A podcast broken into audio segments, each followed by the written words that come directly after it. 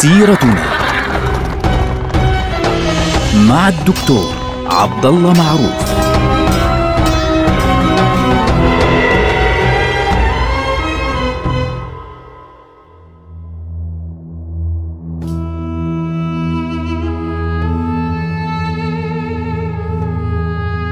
السلام عليكم ورحمة الله وبركاته. سيرتنا سيرة هذه الأمة العظيمة ونحن الآن في المرحلة الانتقالية بين الدولة الأموية وقيام الدولة العباسية. الدولة العباسية فعليا آه، قامت على شكل ثورة على شكل آه، تنظيم آه، سري. كان قد عمل فترة طويلة جدا منذ عهد يزيد بن عبد الملك حتى أن أعلن بشكل واضح في عهد مروان الثاني بن محمد في ثورة كبيرة جدا بدأت من خراسان بقيادة أبي مسلم الخراساني. يعني في ذلك الوقت. تمكنت المخابرات التابعة مروان الثاني اللي هو آخر الخلفاء الأمويين من القبض على الإمام إبراهيم بن محمد فسجنه آه، مروان في آه، حران حتى مات وقيل إنه قتله في السجن أصلا. فانتقلت الأمور من بعده إلى أخيه عبد الله بن محمد اللي هو أبو العباس. فأبو العباس وإخوته اللي معه أبو جعفر وغيره هربوا باتجاه العراق. تخيلوا هذا المشهد 12 واحد تقريبا يفرون باتجاه العراق وحدهم ليس عندهم وليس معهم أحد. وكان ذلك يعني خايفين من الجنود الذين يأتونهم من أي مكان. لكن وصل العباسيون إلى الكوفة ونجح آه، القائد الأعلى لجيوش العباسيين اللي هو الحسن بن قحطبة ابن شبيب في ذلك الوقت دخل الكوفة وأعلن من هناك ولاءه للرضا من آل محمد واعترف بأكبر دعاة العراق اللي هو في ذلك الوقت رجل اسمه أبو سلمة الخلال سماه وزير آل محمد. سيطروا بالتالي على المنطقة منطقة العراق أبو سلمة الخلال والحسن بن قحطبة ابن شبيب. طبعا في نفس ذلك الوقت وصل الخليفة, الخليفة الذي سيصبح الخليفة اللي هو أمير الدعوة الآن وصل أبو العباس وإخوته إلى العراق. فأبو سلمة الخلال طبعا بيعرفهم لكن هو آه، بيعرف واللي حواليه بيعرفوا أنه الإمام هو إبراهيم ما وصلهم الخبر حتى الآن. فأخبروه الخبر أنه الإمام إبراهيم قد قبض عليه وبالتالي الإمام الآن هو أبو العباس السفاح. أبو سلمة الخلال من ناحيته كان قد رآها فرصة لأنه هواه كان مع أحفاد علي بن أبي طالب رضي الله عنه. فقال هذه فرصة الناس لا تعرف شخصية الإمام. وبالتالي هم يبايعون الإمام فحبسهم شهرا. قال لهم معلش أرتب أموري وأرتب أمور الدولة ومش عارف إيه وإلى آخره. فبدأ يرتب الأمور ويحبسهم شهرا كاملا. ولا يسمح للناس أن تعرف أنهم هناك. طبعا هم انتبهوا انه في شيء معين يعني في شيء مش مزبوط فبعد ذلك يعني اكتشف أحد الدعاة اللي بيعرفوا شخصية الإمام اكتشف إنه موجود في آه، خارج الكوفة فجاءوا فورا إلى البيت وأطلقوا سراحه وحملوه إلى مسجد الكوفة. طبعا وجاء أبو سلمة الخلال بعد ذلك يعتذر ويقول والله أنا كنت برتب الأمور ومش عارف إيه. فرضي عنه أبو العباس السفاح ثم بعد ذلك طبعا دس له من قتله يعني على يد أبي مسلم الخراساني. فلأنه كاد أن يعني يبطش بهم كاد أن يضيع كل هذا الجهد كل هذه الجهود لهذه السنوات الطويلة. فالذي حدث أنه أبو العباس السفاح دخل مسجد الكوفة. وبويع بالخلافة في الكوفة في ثالث يوم من شهر ربيع الأول في عام 132 صلى الجمعة وقال في الخطبة الحمد لله الذي اصطفى الإسلام لنفسه فكرمه وشرفه وعظمه واختاره لنا وأيده بنا وجعلنا أهله وكهفه وحصنه والقوام به والذابين عنه ثم ذكر قرابتهم طبعا صار يقول إنه نحن آل بيت النبي صلى الله عليه وسلم إلى أن قال فلما قبض الله نبيه قام بالأمر أصحابه إلى أن وثب بنو حرب ومروان فجاروا واستأثروا فأملى الله لهم حينا حتى آسفوه فانتقم منهم بأيدينا ورد علينا حقنا ليمن بنا على الذين استضعفوا في الأرض ثم إيش قال لهم؟ قال لهم أنتم أسعد الناس بنا وأكرمهم علينا. بتكلم عن أهل العراق طبعا أهل الكوفة. أنتم محل محبتنا وأكرمهم علينا وقد زدت في إعطياتكم مئة مئة فاستعدوا فأنا السفاح المبيح والثائر المبير. السفاح هذا اللقب الذي أطلق على أبي العباس. طبعا السفاح بعض الناس بيفهموا أنه كلمة السفاح معناها ال يعني ال إنه والله يقتل كثيرا من الناس، طبعا هذا حدث يعني لأنه أعطى أوامر إنه كل بني أمية بعد أن انتصروا سيقتلون جميعا بعد أن انتصر العباسيون، سيقتل كل من تمكن من القضاء عليه من بني أمية، ولكن في نفس الوقت آه، كلمة السفاح تعني الكريم، إنه أنا أعطي المال يعني دون سؤال، ولذلك لقب بالسفاح على الأرجح.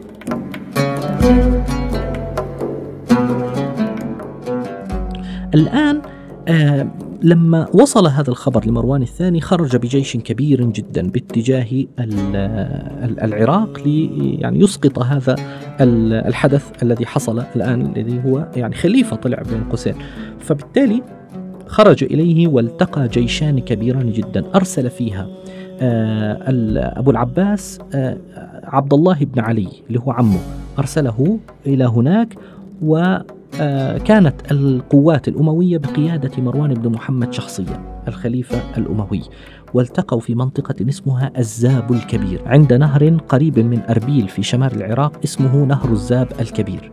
هذا اليوم الكبير كان يوم 11 جماد الآخرة سنة 132 للهجرة التقى فيه الأمويون والعباسيون وتم تدمير جسر كبير فوق نهر الزاب الكبير وغرق فيه عدد كبير جدا من جندي الأمويين وانتصر بذلك العباسيون وفر مروان الثاني ابن محمد باتجاه الشام وأرسل إليه من يتعقبه حتى قضي عليه في مصر بعد ستة أشهر بهذا الأمر انتهت الدولة الأموية وبدأت الدولة العباسية.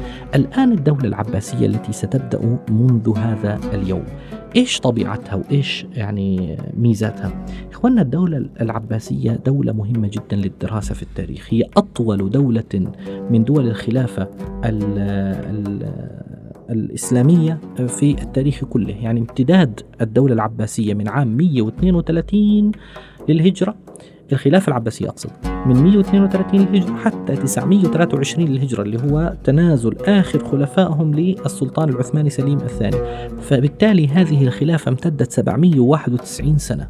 كان خلفاؤها 54 خليفة منهم 37 في العراق وبعد سقوط بغداد بيد المغول انتقلت الدولة العباسية ليست الدولة الخلافة العباسية إن صح التعبير إلى القاهرة في مصر وحكم فيها سبعة عشر خليفة. لكنهم كانوا خلفاء صوريين كما سنقول بعد لحظات إن شاء الله.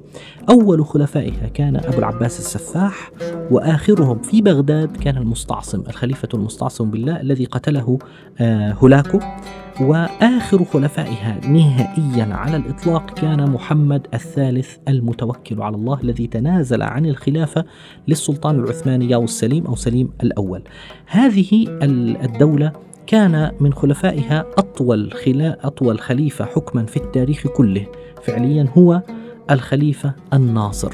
الخليفة الناصر الذي حكم 47 سنة أطول خليفة في التاريخ كله.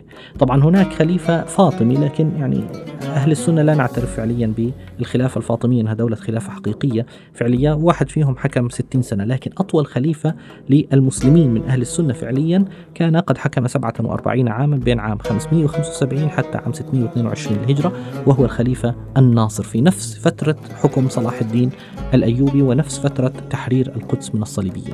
هذه الخلافة الطويلة تنقسم إلى ثلاثة أقسام.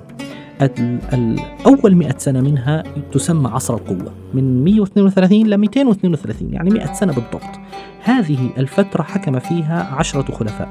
هؤلاء هم الفترة يعني اللي حكموا الفترة الأطول والأهم في الدولة العباسية. طبعا الخليفة العاشر منهم هو الخليفة المتوكل يبدأ معه عصر الضعف يعني تسعة خلفاء أقوياء ثم يبدأ مع الخليفة العاشر العصر الثاني اللي هو عصر الضعف والنفوذ الخارجي وهذا أطول فترة في حكم الدولة العباسية لكنه كان الخليفة موجود لكنه ضعيف وكان يعني مضطر إلى أنه يتقبل النفوذ سواء من الفرس أحيانا من الترك بعد ذلك من هنا ومن هناك إلى آخره. كان ذلك لمدة 424 سنة انتهت في سنة 656 للهجرة بسقوط بغداد على يد المغول ثم بعد ذلك بعد سنتين من هذا الحكم اللي هو سنة ابتداء من سنة 658 أعيد إحياء الخلافة العباسية. مش الدولة لاحظوا الخلافة العباسية إنه اسم خليفة في القاهرة وكان ذلك على يد المماليك. فلذلك يسمى هذا العصر عصر الحكم الصوري. حكم الصورة يعني مجرد صورة فقط. في القاهرة كان ذلك لمدة 265 سنة تقريبا حتى نهاية الدولة العباسية بالكامل ونهاية الخلافة العباسية سنة 923 للهجرة. هذه الفترة الطويلة يعني آه، تنقسم فيها طبعا الفترات إلى عدة أقسام حتى يعني الدولة عصر القوة هو عصر واحد موحد يعني من أبو العباس السفاح حتى الخليفة الواثق ووفاته مع بداية المتوكل هناك يبدأ عصر الضعف الذي أيضا يقسم إلى عدة عصور. يعني مثل عصر النفوذ التركي ثم عصر النفوذ البويهي ثم أطول العصور كان عصر النفوذ السلجوقي. وبقي كذلك عصر النفوذ السلجوقي حتى سقوط بغداد بيد المغول ثم هذه المرحلة آه، ينتقل منها العباسيون إلى فترة الحكم الصوري في القاهرة التي كانت تحت يد المماليك وأصبح الخليفة فيها مجرد صورة رمزية وارتبطت بالحكم المملوكي وبالتالي عندما سقط المماليك على يد العثمانيين سقطت معهم الخلافة العباسية أيضا. حيث تنازل كما قلنا محمد الثالث المتوكل على الله للسلطان سليم الأول عن الخلافة. هذا باختصار آه، يعني عهد الدولة العباسية فالدولة العباسية تبدأ من الكوفة على يد أبي العباس السفاح. وأبو العباس السفاح أرسل عمه كما قلنا لقتال مروان بن محمد وتمكن من هزيمته في معركة الزاب الكبير قرب إربيل في العراق في شمال العراق وبالتالي انقرضت الدولة الأموية وبدأت الدولة العباسية. أول قرار يتخذه أبو العباس السفاح كان القضاء على الأمويين جميعا. هذه كانت يعني واحدة من آه، القرارات الخطيرة التي اتخذها أبو العباس السفاح في زمنه. لأنه هذا القرار يعني تبعته إن صح التعبير مذابح. يعني مذابح مذابح حقيقية كانت في آه، زمنه. آه، أربع سنوات كان حكمه استعان فيها بأبي مسلم الخراساني. استعان أيضا بأبي سلمة الخلال اللي هو كاد إنه يعني يفصلهم عن الناس وكاد إنه يعني يعطي الخلافة لغيرهم ولكنه مع ذلك سلموا الوزاره فكان أول من اتخذ وزيرا في التاريخ الإسلامي. ثم بعد ذلك أمر أبا مسلم الخراساني بالقضاء على أبي سلمة الخلال لأنه على وشك كان إنه يخونهم آه سابقا. فعند ذلك أصدر أمره بقتل كل من تمكن العباسيون من قتله من بني أمية. طبعا لماذا اتخذ هذا القرار؟ هذا قرار طبعا يعني مذبحة. وهذا الذي حدث حقيقة كانت مذابح مش حقيقة يعني مش شيء بسيط. فهذه المذابح لماذا يعني ماذا قام بها أبو العباس السفاح وأمر بها؟ لكي يضمن تثبيت الحكم وعدم وجود أي شوكة للأمويين بين الناس. وكان من أشد الأعمال التي حدثت في ذلك الوقت عندما آه، قام عبد الله ابن علي عمه لأبو العباس السفاح بتأمين بإعلان الأمان لكل الأمويين في منطقة الرملة. الرملة كانت عاصمة من عواصم الأمويين رملة في فلسطين. فأعلن أنه كل من يأتي من الأمويين الذين فروا في هذه المنطقة لأنه عندهم عصبية وعندهم قوة في هذه البقعة هو آمن. فاجتمعوا جميعا على الطعام بعد أن أمنهم ثم بعد ذلك عند نهر طبعا اسمه نهر أبي فطرس موجود في فلسطين يسمى أيضا نهر العوجة واليوم يسميه الاحتلال الإسرائيلي نهر اليركون فهذا النهر نهر أبي فطرس أو نهر العوجة عنده كان هناك اجتماع كبير كان يطعميهم يعني يغذيهم ثم بعد ذلك أمر بقتلهم جميعا. فكانت هذه واحدة من المجازر التي حدثت في الأمويين في بداية الحكم العباسي حكم العباسيين بدأ بالقوة وبالشدة وبالعنف ضد الأمويين. وهذا الأمر غير مبرر في التاريخ يعني غير مبرر إلا تبريرات سياسية فقط بحتة باعتبار انه والله يريدون تثبيت الحكم بأي شكل من الأشكال. لكن الذي يهمنا أن الحكم العباسي يبدأ مع أبي العباس السفاح ثم من بعده مع أبي جعفر المنصور. نلقاكم على خير. والسلام عليكم ورحمة الله وبركاته.